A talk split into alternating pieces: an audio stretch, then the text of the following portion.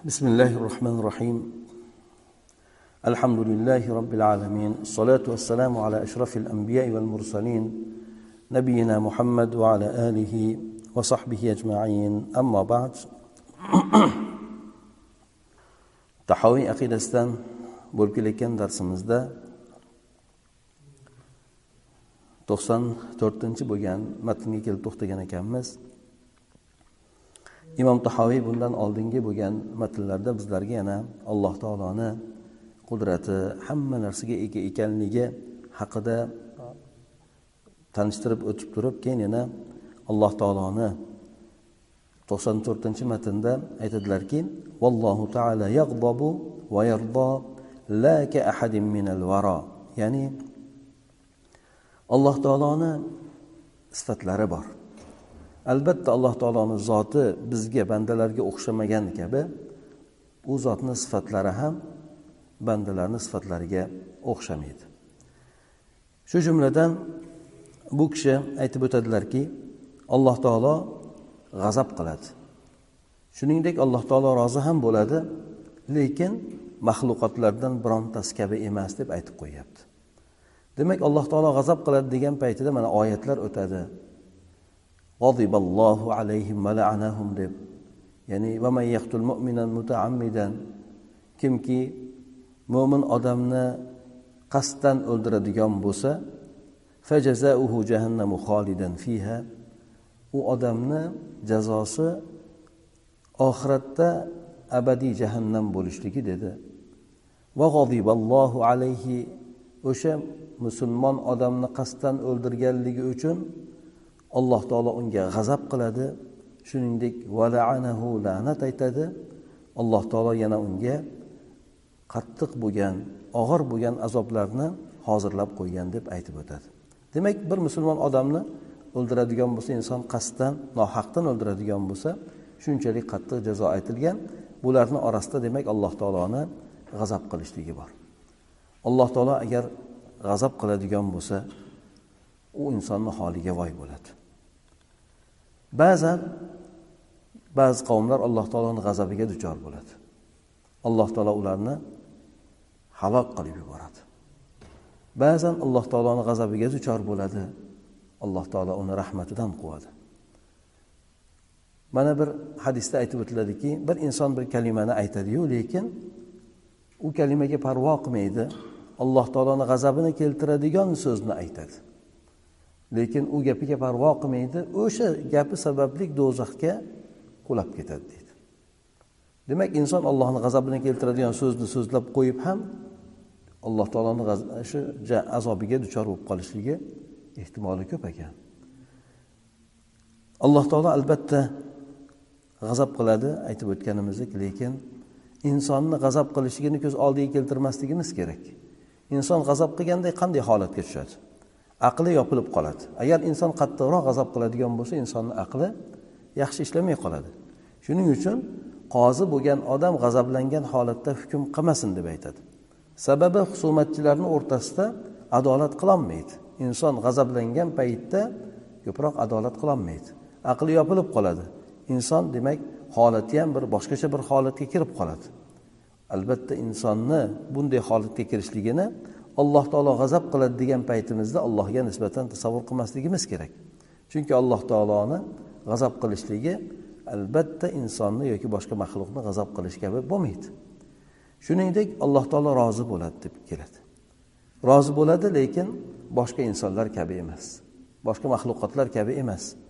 Inson rozi bo'ladigan bo'lsa juda yumshab ketib qoladi. O'zidan ketib qoladi ba'zan. Ya'ni bosar tusarini ham bilmay qolishi mumkin. Juda yam rozi mamnun bo'lib ketib qoladigan bo'lsa. Alloh taologa nisbatan unday nisbat aytilmaydi.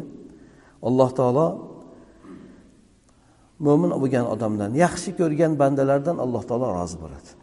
Xuddi shuningdek inson qaysi bir bandadan rozi bo'ladigan bo'lsa uni jannatga kirgizadi. Rozilik tilab duo qilinadi. O'sha hadisimizni avvalgi qismida aytib o'tadiki kim qaysi bir kimsadir alloh taoloni roziligini roziligiga sabab bo'ladigan biror so'zni aytadida parvo qilmaydi o'sha so'z sababli inson jannatga kirib ketadi deydi. Yoki inson bironta bir amalni qiladigan bo'lsayu o'sha amal ortida agar alloh taoloni roziligini topadigan bo'lsa alloh taolo uni gunohlarini kechirib yuboradi ham jannatga kirgizadi. Bir bani isroildan bo'lgan zinokor bo'lgan ayolni qissasini eshitgansizlar. Bu qissada u ayol quduqdan suv olib ichgandan keyin oldiga bir it judayam suvsagan holatda keladi. O'sha itni holatini ko'rib turib achinib quduqdan suv olib beradi. Quduqdan o'sha oyoq kiyimida suv olib beradi. Alloh taolo u ayolni qilgan shu ishidan rozi bo'ladi. U ayolni gunohini mag'firat qilib jannatga dohil qiladi. Demak agar alloh taolo insondan rozi bo'lib qoladigan bo'lsa u insonga butun yaxshiligini alloh taolo beradi. oxiratda ham u insonni xursand qiladi bir hadisda keladi abu said roziyallohu anhuni rivoyat qilgan hadislarida payg'ambar sallallohu alayhi vasallam aytgan ekanlar إن الله تعالى يقول لأهل الجنة يا أهل الجنة فيقولون لبيك ربنا وسعديك والخير في يديك فيقول هل رضيتم يعني alloh taolo jannat ahliga jannatga kirib bo'lgandan keyin aytadiki ey jannat ahllari deb xitob qiladi. Shunda jannat ahllari ey robbimiz labbay senga deydi. Mana seni huzuringdamiz. Yaxshilikni hammasi sening qo'lingda deb aytishadi. Alloh taolo ularga aytadiki sizlar rozi bo'ldilaringmi? Ya'ni tushgan joylaringdan berilgan ne'matlardan sizlar mamnunmisizlar deb alloh taolo ulardan so'raydi. Ular aytishadiki ey parvardigor olam nimaga endi rozi bo'lmas ekanmiz? Bandalaringdan birontasiga bermagan shunchalik ne'matlarni bizga berib qo'ygan bo'lsang nimaga endi sendan rozi bo'lmas ekanmiz deb bandalar aytishadi. Alloh taolo aytadiki shu bergan narsalarimdan hammasidan shuncha ne'matlar bo'lsa jannatdagi shularni hammasidan afzalroq ziyodaroq bo'lgan bir ne'matni sizlarga bermaymi dedi. Shunda aytishadiki ey parvardigor olam shuncha totib turgan ne'matlarimizdan bu jannatda ko'rayotgan rohat boshqa narsalarimizdan nima narsa afzal bo'lishi mumkin? Haqiqatdan insonni alloh taolo jannatda ne'matga ko'mib qo'yadi. Bundan nima narsa afzal bo'lishi mumkin deganda alloh taolo aytadiki alaykum ridvani fala asqatu alaykum ba'dahu abada men sizlarga roziligimni tushiraman. Sizlardan rozi bo'laman mamnun bo'laman. Sizlarga esa bundan keyin hech qachon g'azab qilmayman deydi. Demak alloh taolo o'sha jannatdagi ne'matlardan ham ko'ra afzal bo'lgan ne'mati alloh taolo bandasidan rozi bo'lishligi ekan. Agar alloh taoloni banda rozi qiladigan bo'lsa alloh taoloni judayam yaqin suyukli bo'lgan bandasiga erishadi. Shuning uchun qur'oni karimda ba'zi o'rinlarda sahobalardan alloh taolo rozi bo'lganligini aytib o'tadi. Alloh taolo ulardan rozi bo'ldi ular ham alloh taolodan rozi bo'ladi. Alloh taolo agar rozi bo'ladigan bo'lsa bandani rozi qiladi. Butun ne'matini alloh taolo unga to'kib beradi. Ana o'shandek alloh taolo g'azab qilar ekan shuningdek rozi ham bo'lar ekan lekin rozi bo'lishligida ham g'azab qilishligida ham inson o'zidagi bo'lgan rozi bo'lishligiyu g'azab qilishligini tasavvur qilmaslik kerak ekan. Chunki insonda g'azab holati insonni ancha holatini o'zgartirib qo'yadi. Shuningdek ortiqcha rozi bo'lib ketishligi ham insonni judayam yumshoq qilib ya'ni bo'shashtirib yuborishligi mumkin. Lekin alloh taoloda esa bunday sifatlar bunday holatlar bo'lmaydi. Undan keyin bu kishi aytib o'tadilar ونحب أصحاب رسول الله صلى الله عليه وسلم ولا نفرط في حب أحد منهم ولا نتبرأ من أحد منهم ونبغض من يبغضهم وبغير الخير يذكرهم ولا نذكرهم إلا بخير ونرى حبهم دينا وإيمانا وإحسانا وبغضهم كفرا ونفاقا وطغيانا. ya'ni biz rasululloh sollallohu alayhi vasallamni sahobalarini yaxshi ko'ramiz deydi ularni borasida birontasini ham muhabbatini oshiqcha qilib yubormaymiz. Haddan oshib ketmaymiz. Ularni birontasini yaxshi ko'rishlikda chegarasida judayam lekin yaxshi ko'ramiz. Ularni birontasidan o'zimizni pokligimizni ham aytmaymiz. Ularni yomon ko'rgan odamlarni yomon ko'ramiz. Yaxshilik bilangina zikr qilamiz va biz ularni yaxshi ko'rishlikni sahobalarni yaxshi ko'rishlikni din deb bilamiz. Iymonimizni mukammalligi deb bilamiz. Hamda yaxshilik qilishlik ya'ni ehson darajasida ya'ni yaxshilik qilishlik deb bilamiz. Shuningdek ularni yomon ko'rishlikni sahobalarni yomon ko'rishlikni. Kofirlik deb munofiqlik va haddan oshishlik deb e'tibor qilamiz deydi. Bu kishi bu narsani keltirishligida ma'lumki payg'ambar sallallohu alayhi vasallamni sahobalari orqali asosan bizlarga din yetib keldi. Payg'ambar sallallohu alayhi vasallamni davrlarida demak sahobalarni qurgan jamiyati eng oliy bo'lgan jamiyat bo'ldi.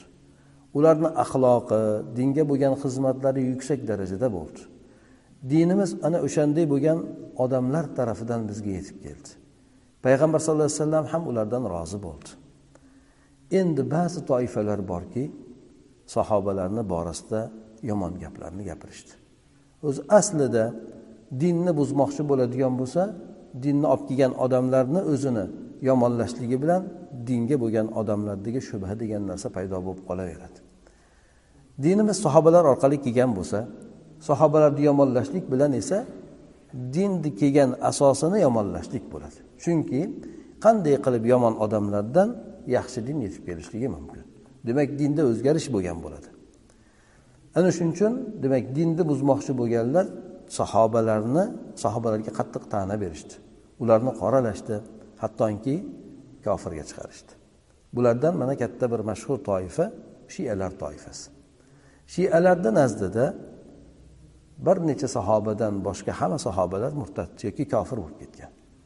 Hattoki ular abu bakr roziyallohu anhu bo'lsin umar roziyallohu anhu bo'lsin bularga juda yam qattiq ta'na toshlarni otadi. Ularga la'nat aytishadi. Bu narsani ular dinidan ibodatidan deb biladi. Ana o'shandek payg'ambar sallallohu alayhi vasallamga eng yaqin bo'lgan kimsalar o'zi abu bakr bilan umar roziyallohu anhu bo'lgan.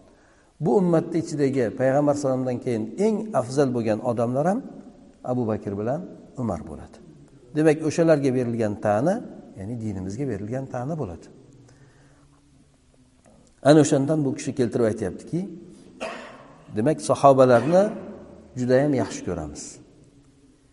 Lekin haddidan oshib ketmaymiz. Shialar ali roziyallohu anhuni muhabbatida judayam davo qilib haddidan oshib ketishdi. Ortiqcha narsalarni berib yuborishdi. Ali roziyallohu anhuni xuddi payg'ambarlarda bo'ladigan sifat gunohdan xoliylik ana o'sha narsani ular ali roziyallohu anhu va u kishini ba'zi zurriyotiga berishdi. Ya'ni gunohdan xoliylik degani aytgan gapini hammasi haq bo'ladi xato bo'lishligi mumkin emas. Bu faqatgina payg'ambarlarga xos bo'lgan sifat. Lekin ular haddidan oshganligidan hatto ba'zilari ali roziyallohu anhuni darajasida ya'ni payg'ambar bo'lishi kerak deb aytgan. Ba'zi o'sha sahobalarni davridagi odamlar esa abdulloh ibn sabaga o'xshab demak ali roziyallohu anhu o'zi xudo edi degan gaplarni ham aytib o'tishgan. Shu darajada demak dinni buzishga harakat qilganlar o'sha birinchi o'zi asl manbani qirqishga quritishga harakat qilishgandi.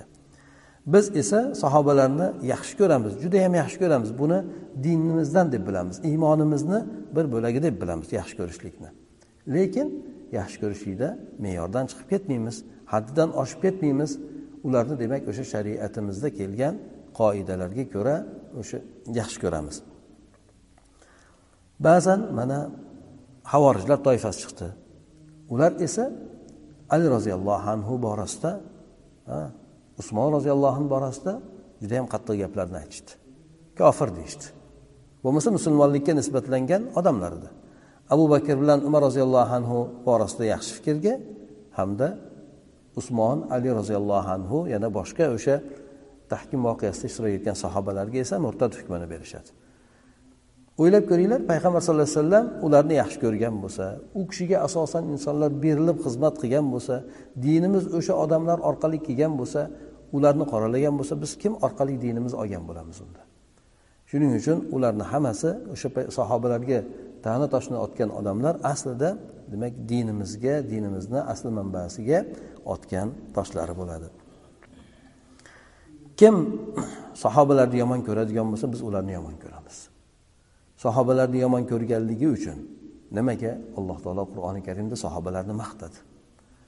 Alloh taolo keyin buzilib ketadigan odamni maqtamaydi keyin aynib qoladigan izdan chiqib ketib qoladigan yoki murtad bo'lib ketib qoladigan odamlarni maqtamaydi alloh taolo o'sha sahobalarni judayam bir ajoyib bir sifatlar bilan qur'oni karimda bir qancha o'rinda maqtab o'tadi aytgan oyatlardan birisi mana والسابقون الأولون من المهاجرين والأنصار والذين اتبعوهم بإحسان رضي الله عنهم ورضوا عنه وأعد لهم جنات تجري تحتها الأنهار خالدين فيها أبدا ذلك الفوز العظيم يعني muhojiru ansorlardan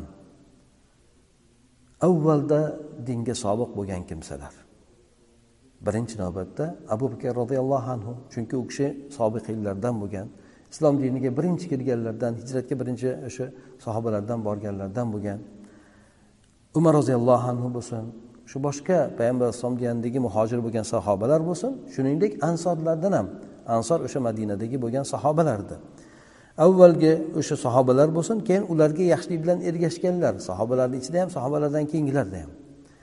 Yaxshilik bilan ergashganlardan alloh taolo o'sha rozi bo'ldi ulardan va ular ham alloh taolodan rozi bo'lishdi. Alloh taolo ularga jannatlarni tayyorlab qo'ydi. Ostidan anhorlar o'tib turadigan jannatlarni hozirlab qo'ydiki ular unda abadiy bo'ladilar deb aytyapti. Mana shu narsa juda yam katta muvaffaqiyat juda yam katta omaddir deb alloh taolo aytib o'tyapti. Demak sahobalarni bu o'rinda alloh taolo judayam maqtab aytdi. Ulardan rozi bo'lganliginiyu ular ham alloh taolodan rozi bo'lganligini aytib o'tdi. Qanday qilib endi inson kelib turib turib sahobalarni murtad desin sahobalarni kufrga chiqarsin? Demak inson judayam qattiq jinoyatga yo'l qo'yayotganligini shu yerda aniqlab bilib olsak bo'ladi. Imom tahoviy rahimaulloh demak ushbu matn orqali rofizalar va o'sha rofizalarga o'xshagan e, toifalar e'tiqodlarini rad qildi. Chunki ular sahobalarni bir nechasi sanab chiqsa bir o'n o'n beshtasi chiqadi xolos. O'shani o'shanigina musulmon deb turib qolgan butun sahobalarni hammasini murtadga chiqarishgan. Demak judayam xatarli xatarli bo'lgan gapni aytishgan.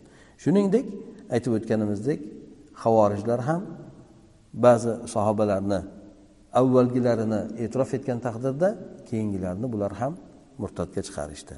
Payg'ambar sallallohu alayhi vasallam aytgan gaplari meni sahobalarimdan birontasini haqoratlamanglar so'kmanglar.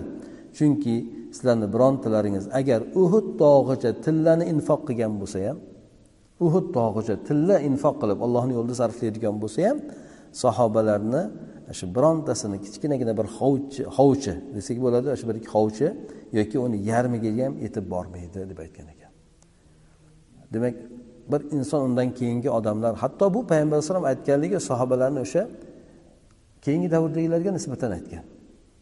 Avvalgi sahobalarni haqorat qilmanglar deb. Yoki bo'lmasa keyingi keladigan ummatlarga ham bu o'git bo'lib aytilgan. Sahobalarni birontasini haqorat qilmanglar inson aytaylik uhud tog'icha tildan infoq qilmaydi. Butun umrini din yo'liga sarflagan taqdirida ham butun boyligini allohni yo'liga taqdim qilgan taqdirida ham sahobalarni qilgan ozginagina ishiga to'g'ri kelmaydi bu narsasi dedi. Demak sahobalarga judayam katta baho berildi. Sababi ulardan alloh taolo hayoti dunyoda turib turganda qilgan xizmatlaridan rozi bo'ldi. Payg'ambar sallallohu alayhi vasallam ham ularni judayam yaxshi muhabbat bilan e, vidolashdi demak sahobalar borasida hasan basir rahmaullohni ham aytgan gaplari borki ya'ni sahobalar insonlarni ichida juda ham qalbi eng pokiza bo'lganligi. Payg'ambar sallallohu alayhi vasallamga sahoba bo'lishdek musharraf bo'lishligi. Alloh taolo haqiqatdan payg'ambar sallallohu alayhi vasallamni odamlarni ichidan qanday tanlagan bo'lsa qanday sahobalarni o'sha payg'ambar sallallohu alayhi vasallamni ummatlarni ichidan eng qalbi tozasini tanlagan bo'lsa xuddi shuningdek u kishiga sahoba bo'lishlik uchun odamlarni ichidan eng qalbi tozalarini tanladiki bular o'sha sahobalar bo'lishdi deb aytiladi. Undan keyin sahobalarni oralarida xalifa bo'lganlari bor. Afzal bo'lganlari bor. Bularni afzalligi borasida imom tahoviy aytadilarki payg'ambar sallallohu alayhi vasallamdan keyin xalifalikni birinchi abu bakr roziyallohu anhuga isbot etamiz deydi. Chunki alloh taolo abu bakr roziyallohu anhuni darajasini juda yam yuqori qilgan. Payg'ambar sallallohu alayhi vasallamni eng suyumli bo'lgan do'sti judayam yaqin birodari bo'lgan. Agar birontani judayam yaqin do'st qilib olishligim mumkin bo'lgan deydi abu bakrni qilib olgan bo'lardim. Lekin alloh taolo meni o'ziga yaqin do'st qilib oldi deb shu mazmunda payg'ambar alayhisalom aytadi.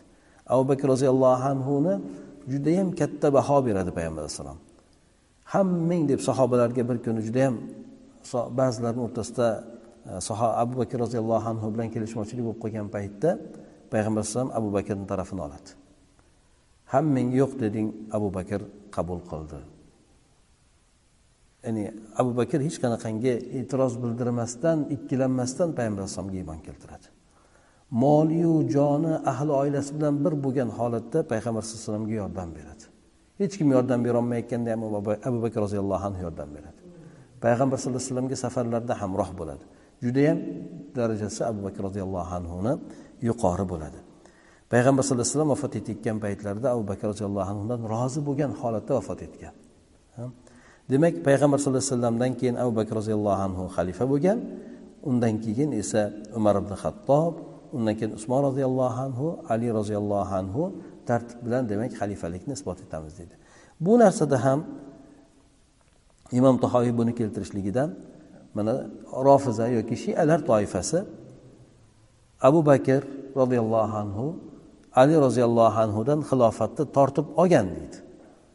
Aslida payg'ambar sallallohu alayhi vasallam ali roziyallohu anhuga bir ishonchnoma berib ketgan qoldirib ketgan vasiyatnoma qoldirib ketgandiki o'sha ali roziyallohu anhu xalifa bo'lishi kerak edi degan gapni surishadi. Bu yerda yo'q ahli sunna aytadiki ali roziyallohu anhuga payg'ambar sallallohu alayhi vasallam hech qanaqangi vasiyatnomani qoldirib ketmagan. Musulmonlarni kelishuvi shu bo'lganki birinchi abu bakr roziyallohu anhu xalifalikka sahobalarni roziligi bilan xalifalikka saylanganlar. Undan keyin umar roziyallohu anhuga bayat berishlik orqali u kishi xalifa bo'lib saylangan. Keyin usmon roziyallohu anhu ana to'rtinchi bo'lib esa ali roziyallohu anhuga musulmonlar bayat qilishgan deb aytadi. Holat shuningdek bo'lgan. Hech kim hech kimdan xalifalikni tortib olmagan deb aytib o'tadi.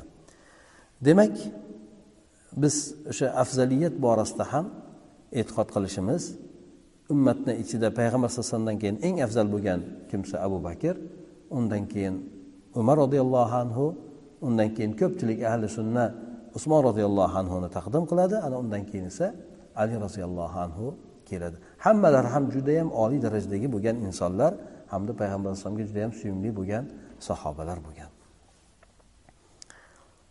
Bularni hammasi to'ralasi ham xulafoi roshidinlardan deb aytadi. Xulafoi roshidin degani to'g'ri yo'lda bo'lgan haqda bo'lgan xalifalar bo'lishgan. Haqda bo'lishgan haq bilan hukm qilishgan. Adolat bilan odamlarni o'rtasida hukm yuritishgan. Ana o'shandek demak ular yuqori darajadagi e, xalifalar deb e'tibor qilingan. Payg'ambar sallallohu alayhi vasallam ham aytganlari demak xilofat o'zidan keyin o'sha o'ttiz yil bo'lishligi bu esa o'sha nimalarni davrlari e,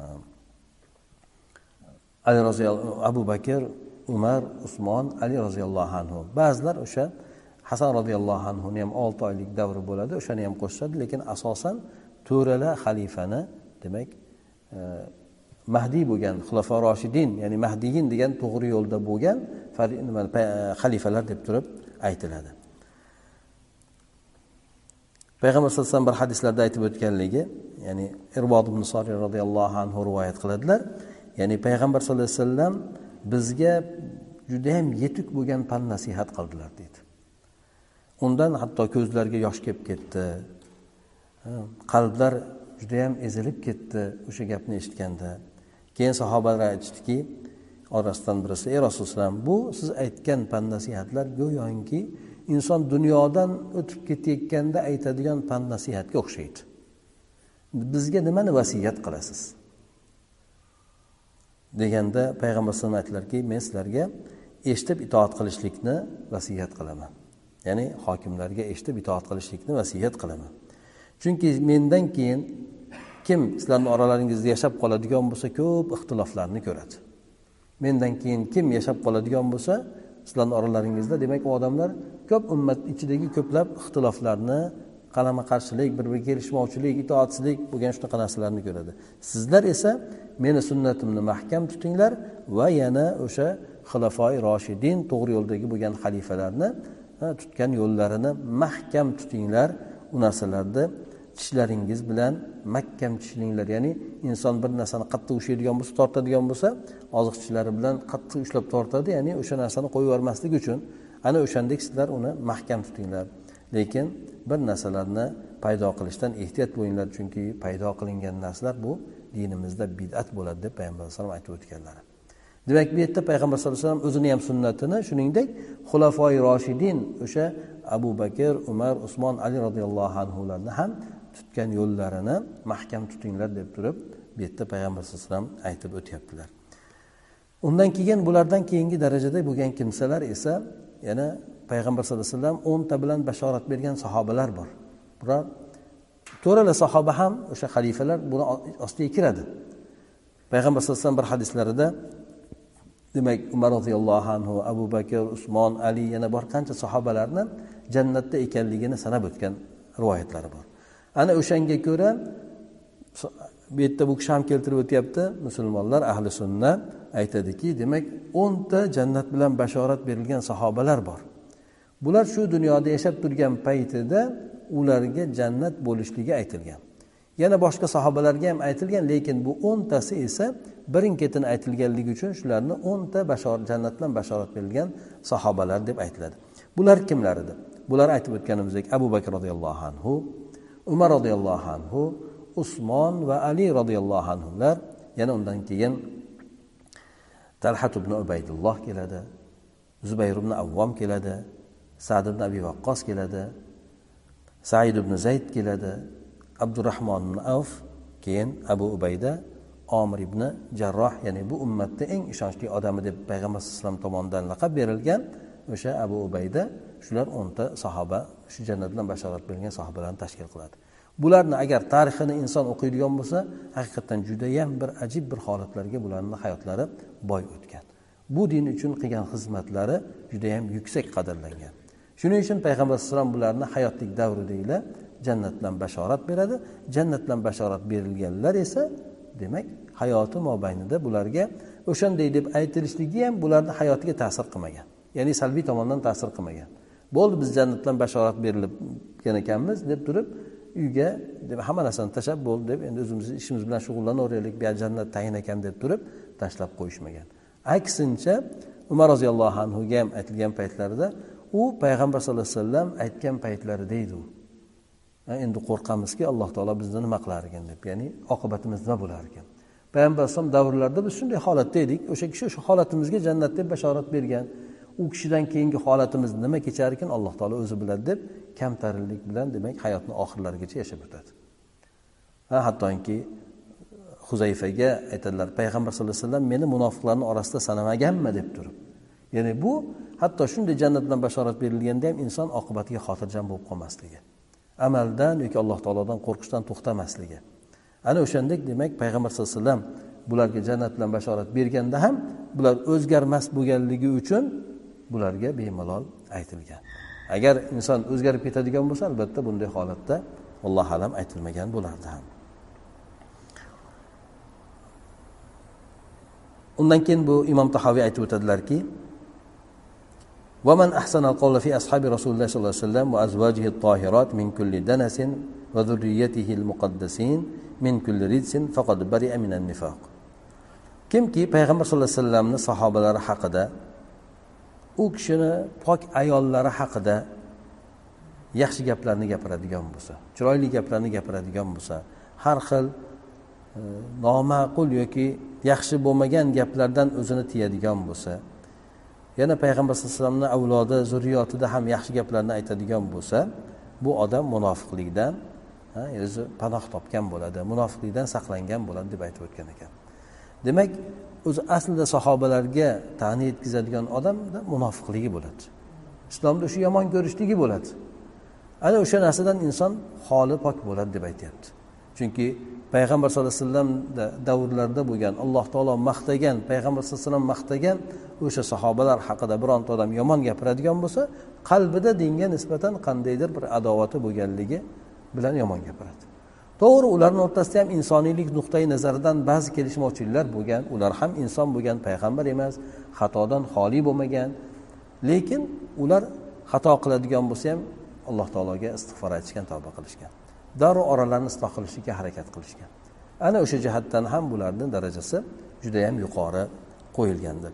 Shuningdek payg'ambar sallallohu alayhi vasallamni ahli oilasi ham u kishini zurriyotlari ham demak juda ham pokiza bo'lgan ayollari juda yam pokiza bo'lgan ayollar bor.